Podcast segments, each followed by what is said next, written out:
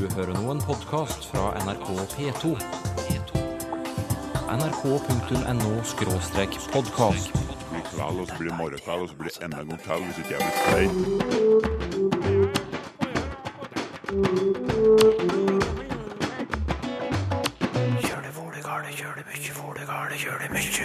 Bystyret i Bergen gjorde nylig et unikt vedtak om å tilby tegnspråk som valgfag på ungdomsskolen. gøy for elevene å lære noe nytt og spennende og praktisk. Men hvordan er ståa egentlig for ungdom som har lyst til å lære tegnspråk i skoletida? Og han har samla stedsnavn i 25 år. Møkkalasset, Fredagshølet, Kjerringskrevet og 50 000 til. Slik blir det boka. Vel møtt til en ny utgave av Språkteigen.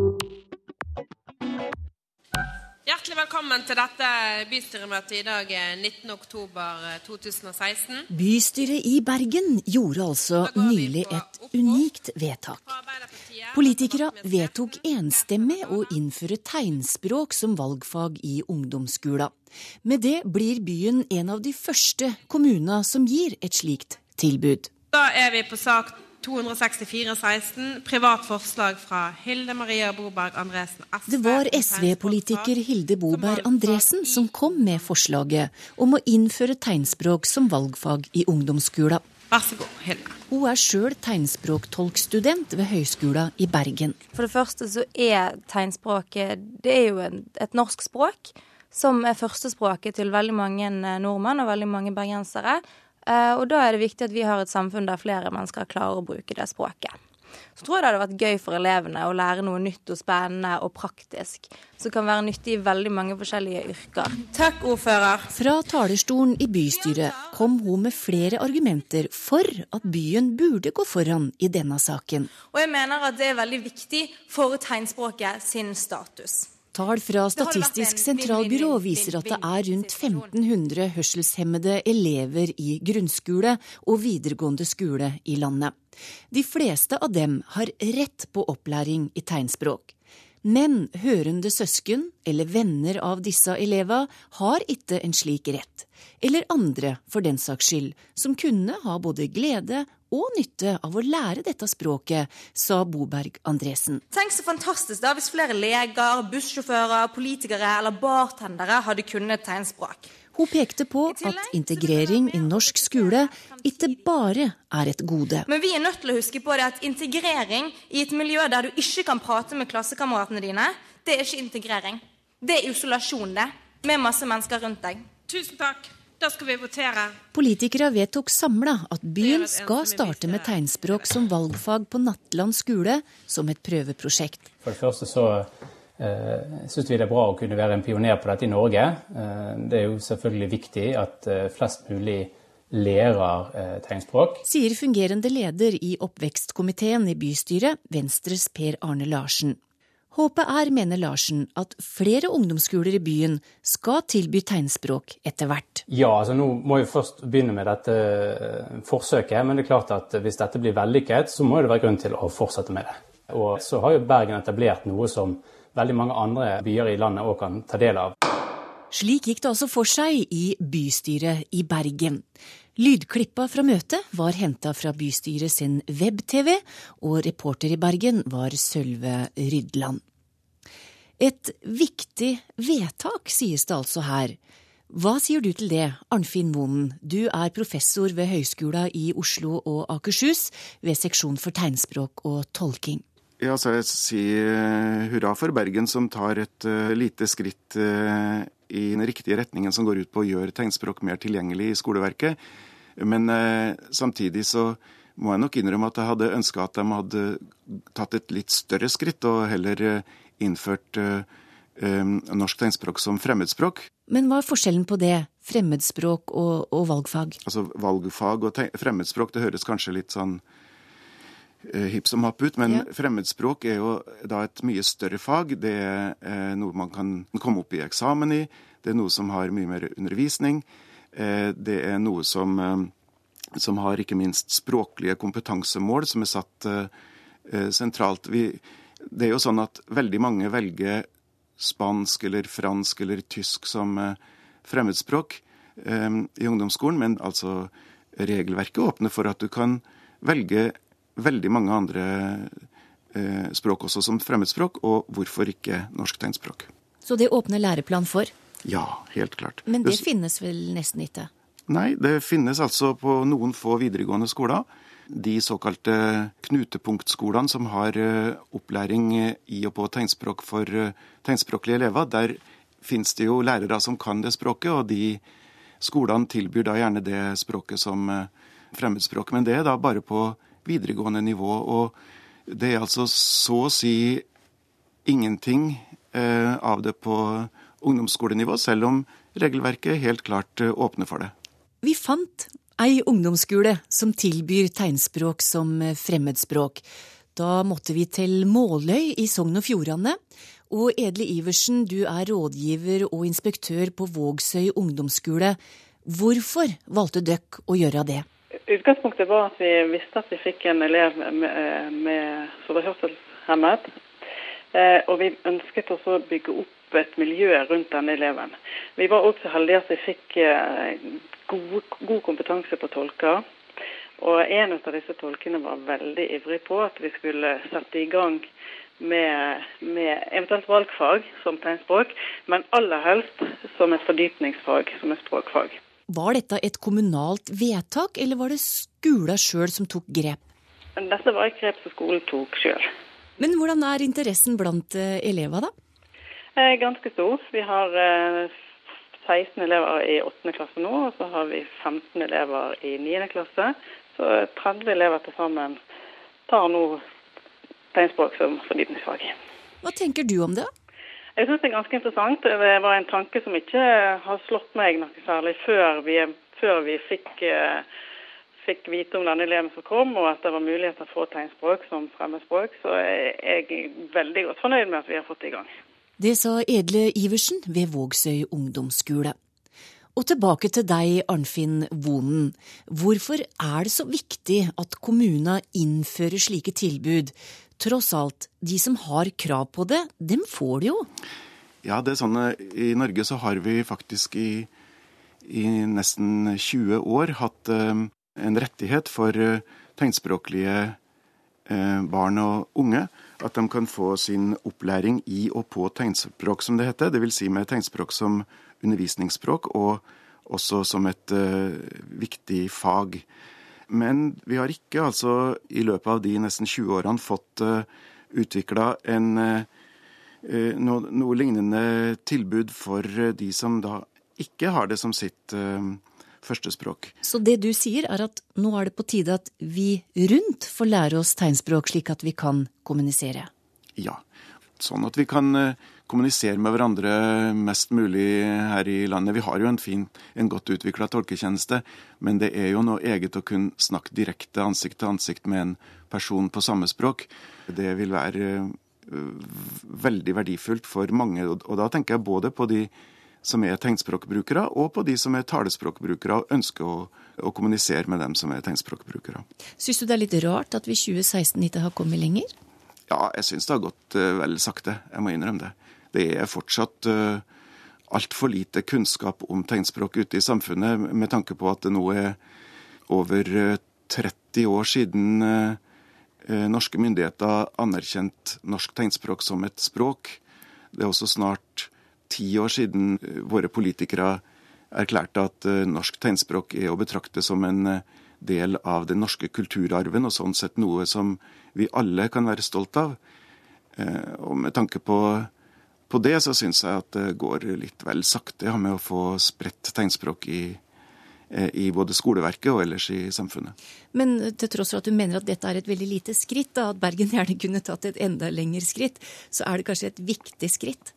for all del. Jeg gratulerer jo Bergen med at eh, de har bestemt seg for å gjøre det lille skrittet. Og så får vi håpe at eh, mange følger etter, og at eh, forhåpentligvis også mange velger å ta det litt større skrittet, da. Hørselshemmede barns organisasjon har en egen Twitter-aksjon gående akkurat nå om tegnspråk i skolen. I tweeten står det Ønsker du at du skråstrek ditt barn skal få lære tegnspråk på skolen, retweet og tagg din kommune. Og en som har gjort det, det er du den kunnskapsminister Torbjørn Røe Isaksen. Der har du tagga hjemkommunen din Porsgrunn. Hvorfor det?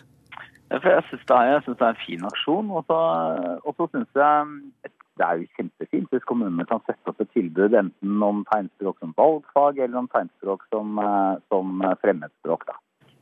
Men hvorfor bruker ikke flere skoler den muligheten da? Det er jo nesten ingen skoler som tilbyr tegnspråk som valgfag eller fremmedspråk. Men det er veldig få som gjør det i dag, og det er nok to grunner til det. Eh, det ene er at eh, en del skoler kanskje ikke har lærekrefter til det. Eh, så stort sett så forutsetter det nok at man har en lærer som kan tegnspråk fra før. Men den andre grunnen kan også være at man rett og slett ikke er så oppmerksomme på det. Jeg tror Det er en av, grunnene, en av grunnene til at denne Twitter-aksjonen er satt i gang, er nettopp for å øke bevisstheten rundt dette. Få fram at det er faktisk en mulighet til å gjøre det. Hva kan du gjøre da som minister? Jeg, jeg kan jo i teorien gjøre veldig mye. Uh, men, uh, men jeg mener ikke at vi skal forsøke å lovregulere dette mer enn i dag. Jeg mener ikke at vi skal ha obligatorisk tegnspråk f.eks. inn i norsk skole. Så det jeg har valgt å gjøre, er jo da å være med på å gi litt oppmerksomhet til dette. Uh, og stille gjerne opp på mer også dersom tegnspråkmiljøene er interessert i det. Men Stortinget vedtok jo i juni å be, regjeringa jobbe for å få tegnspråk inn i skolen som valgfag. Så hva skjer der, da? Altså det vi sa til Stortinget eh, under behandlingen av det forslaget, det var at vi skulle gjennomgå hele det som er paragraf 2-6 i eh, opplæringsloven, som dreier seg om tegnspråk i grunnskolen. Da kommer vi til å se nærmere på f.eks. behovet for opplæring også for hørende barn og unge. Eh, altså de som ikke har rett til opplæring i tegnspråk. Kommer til å se nærmere på mulighetene for valgfag og andre muligheter både i grunnskolen og i videregående skole. Så det jobber vi med. Det sa kunnskapsminister Torbjørn Røe Isaksen.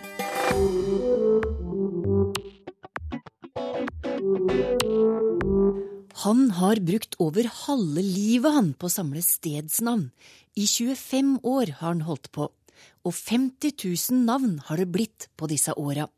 Nå har lokalhistoriker, kunstner, landskapsarkitekt og karttegner Lars Ole Klavestad fra Fredrikstad plukka ut 500 av dem og gitt ut bok. Men hvordan i all verden starter en slik samlermani? Jeg er fra et veldig historisk sted som heter Hund i Borge utenfor Fredrikstad. Og eh, bare navnet Hund det er jo spennende i seg sjøl. Det er en gåte som eh, mange har prøvd å finne ut av. Så det starta kanskje allerede da jeg ble født. Og så begynte jeg å intervjue naboer, gamle folk. Eh, og jeg fant ut at de hadde et enormt navnemangfold. Men hva er et stedsnavn for deg, eh, Lars Ole? Jeg tenker nok at det først og fremst er en, eh, en viktig del av språket vårt for å kunne kommunisere med andre.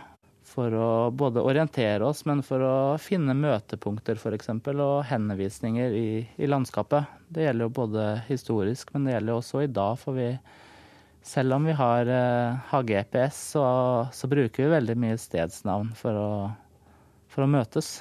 Og det er mye artig lesning, da, for de som har sett på TV-serien eh, Nomino i høst og gitt seg ende over, så er dette en fortsettelse av det vi så der. For det er jo de merkverdigste navn. Du kan ta noen eksempler som Møkkalassa, Merrapanna, Fredagshølet. Disse her har du kanskje valgt ut med omhu? Ja, de er jo det. De er akkurat de navnene du trekker fram der, er sånne navn som folk i Fredrikstad og Hvaler og den som bruker skjærgården, eh, kjenner veldig godt til, og som har et litt sånn humoristisk eh, schwung over seg. Og, og særlig i skjærgården så ser vi at navnet lever veldig mye lenger egentlig enn eh, de gjør i jordbrukslandskapet, der driftsformene har endra seg veldig. Fredagshølet som jeg nevnte er jo med i tittelen på boka. Å si Hva slags sted er det, da? Det er en veldig flott naturhavn som ligger vest på Hvaler. Jeg tror det er mange som uh, knytter noe litt vulgært til, til det navnet. ja. det, det, kommer nok av at det var mange arbeidere som kom fra Fredrikstad mekaniske verksted som hadde akkurat en times tid ut til fredagshølet og kunne komme seg akkurat dit ut på en, en fredagskveld da, etter jobben. Mm. Og ankra opp der og, og lå da kanskje over helga. Så, så, det er nok det som er utgangspunktet for navnet. Og så ser jeg at det er noen nabobukter der. Du har, finner både kjerringskrev og jomfrua like ved fredagshølet, så Så den her eh, vulgære tankegangen har nok eh, bidratt til å smitte litt over på andre navn. Ja, og jeg kan jo fortsette, da, for i boka di så finner vi òg navn som Driteren, Glufsa, Rassballen, Theokari Futerød fant jeg òg der. -hmm. Mye rart. Ja. Hvordan klarte du å velge ut 500 navn til ei bok? jo, jeg har prøvd å få med de navnene som har noe litt annerledes, litt kuriøst, uh, forunderlig over seg, og som jeg vet veldig mange har en uh, nysgjerrighet over. Hva er det det egentlig betyr? Mm. En får jo ofte det spørsmålet Jeg har hørt at det og det, ja. men, men er det sant? Ja, så har det jo gått eh, en del år, i løpet av disse åra så må jo mange av informantene dine ha gått bort. Så har det vært viktig for deg å virkelig få ut denne kunnskapen? Ja, det, det har det. For jeg har sett at uh, veldig mange av de navnene har aldri blitt skrevet ned verken på kart eller uh, noe andre steder. Så det ligger jo veldig mye historie og uh, også språkkunnskap bevart i, i navnene. De, de, har jo bare levd i det muntlige, muntlige språket. Kommer du til å fortsette å samle, da? Det kommer jeg helt sikkert, fordi den boka her er eh, Den er på en måte et eh, utfall av det kuriøse, men, eh, men det er jo også viktig å se hele sammenhengen, da. Så, så jeg prøver å komplettere så godt jeg kan. Da må du ha lykke til med samlinga, Lars Ole. Jo, takk for det.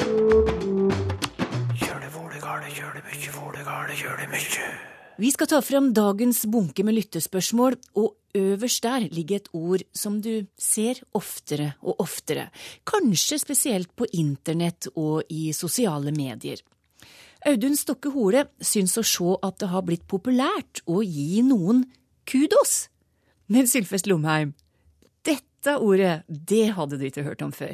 Nei, jeg hadde rett og slett ikke hørt ordet. Og jeg eh, spurte ei yngre kvinne på universitetet om hun hadde hørt det. Ja. ja, hun visste det. Hun forklarte det rett ut og sa dette er gresk, og det betyr eh, nærmest eh, klapp på skuldra, veldig bra og sånn. Ja. Og jeg hadde ikke hørt det. Og det er ikke så rart, for på forhånd så det sleg opp i mine handordbøker. Mm. Det står selvsagt ikke i det hele tatt.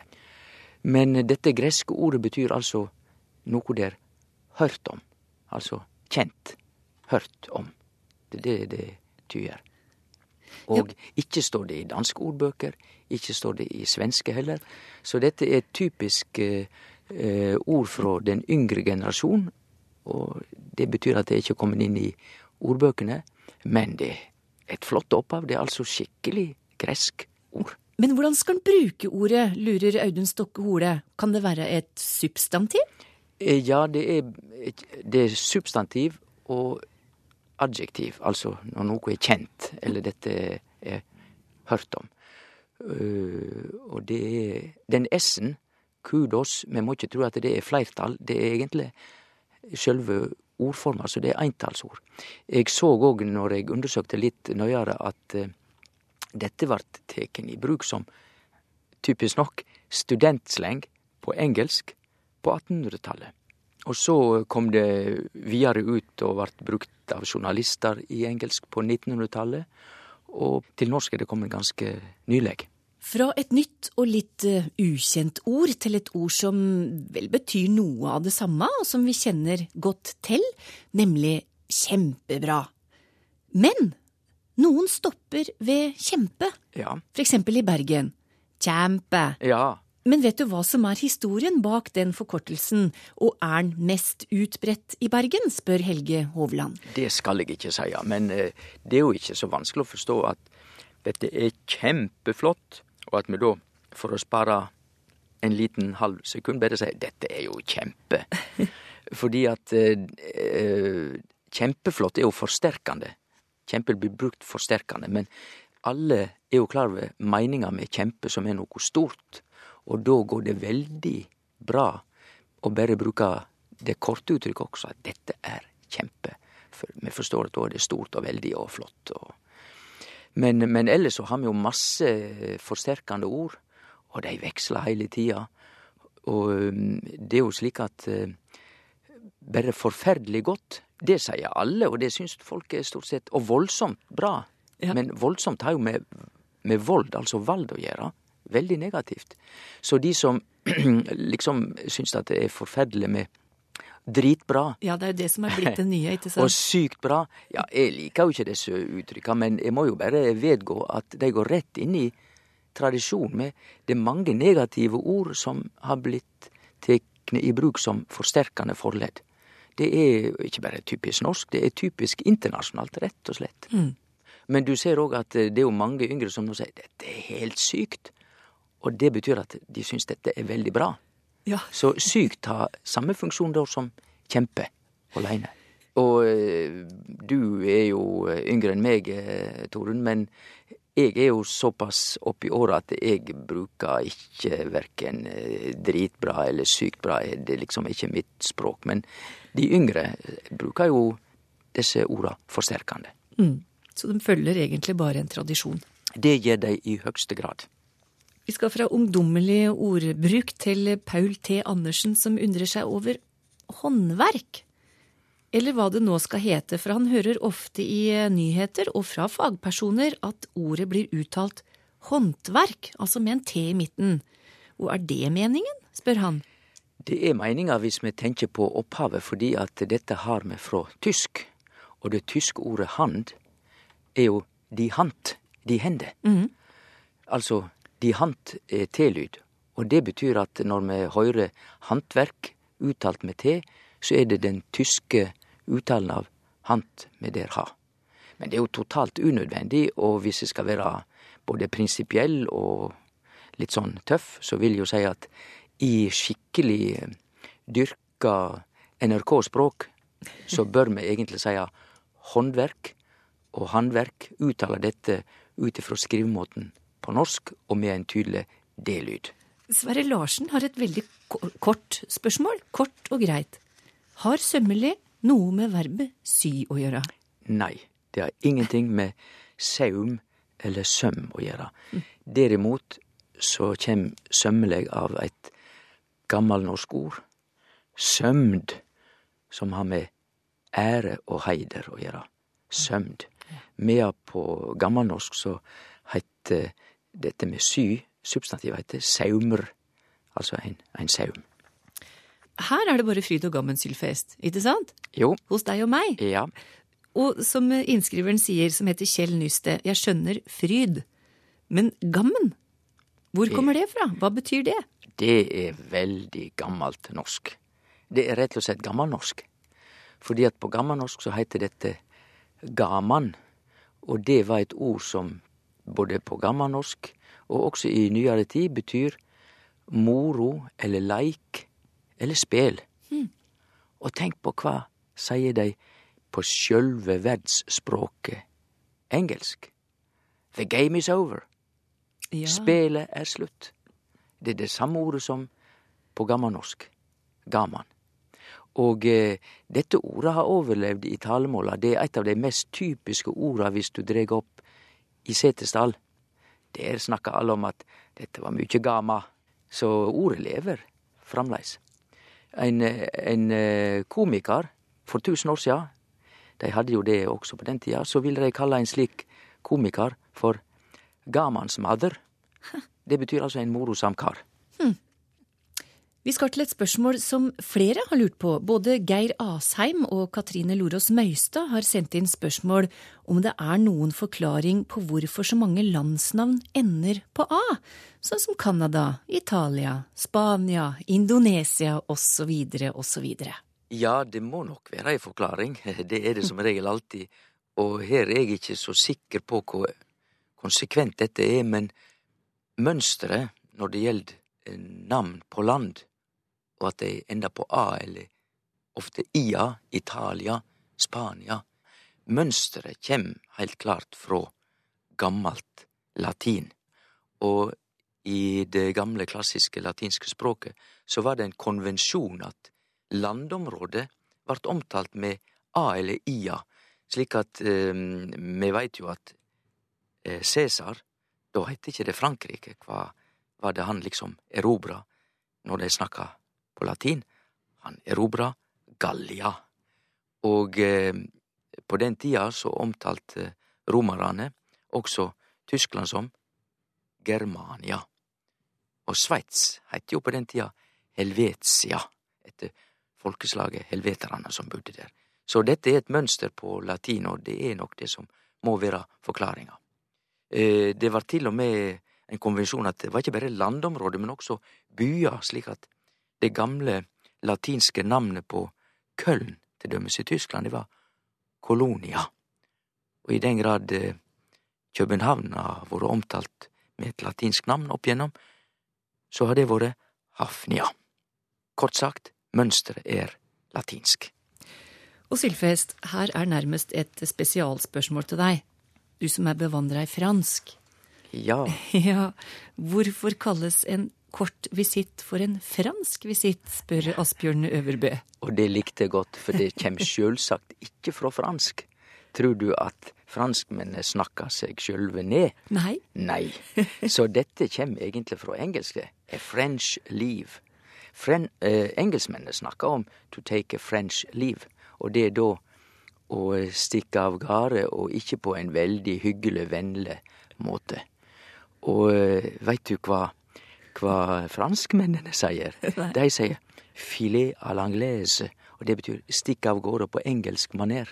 Så de sier akkurat det motsatte. Altså, de snakker om engelskmennene på den måten. Hva er dette for noe? Jo, dette er et universelt trekk vi finner over heile jorda, at det finst i de fleste språk ord og uttrykk som snakkar ned naboane. Nabodiskriminering er rett og slett noe av de mest vanlige fenomena vi har på hele jorda. Vi skal la naboen vår i fred ved, og heller prate litt om oss sjøl. For i dag så kaller vi landet vårt for Norge, de fleste av oss. Det gjorde vi ikke for 100 år siden. Før så fantes det et stort mangfold av ulike former av landsnavnet. Alt fra Noreg, Norig og Nåre og Nåri, Norri og Norge og Nørje. Norge er altså i ny form. Relativt ny òg. Hva skjedde? Språkforsker Klaus Johan Myhrvold har svaret, og det skal vi høre mer om i Språkteigen neste gang. Vi høres! nrk.no podkast.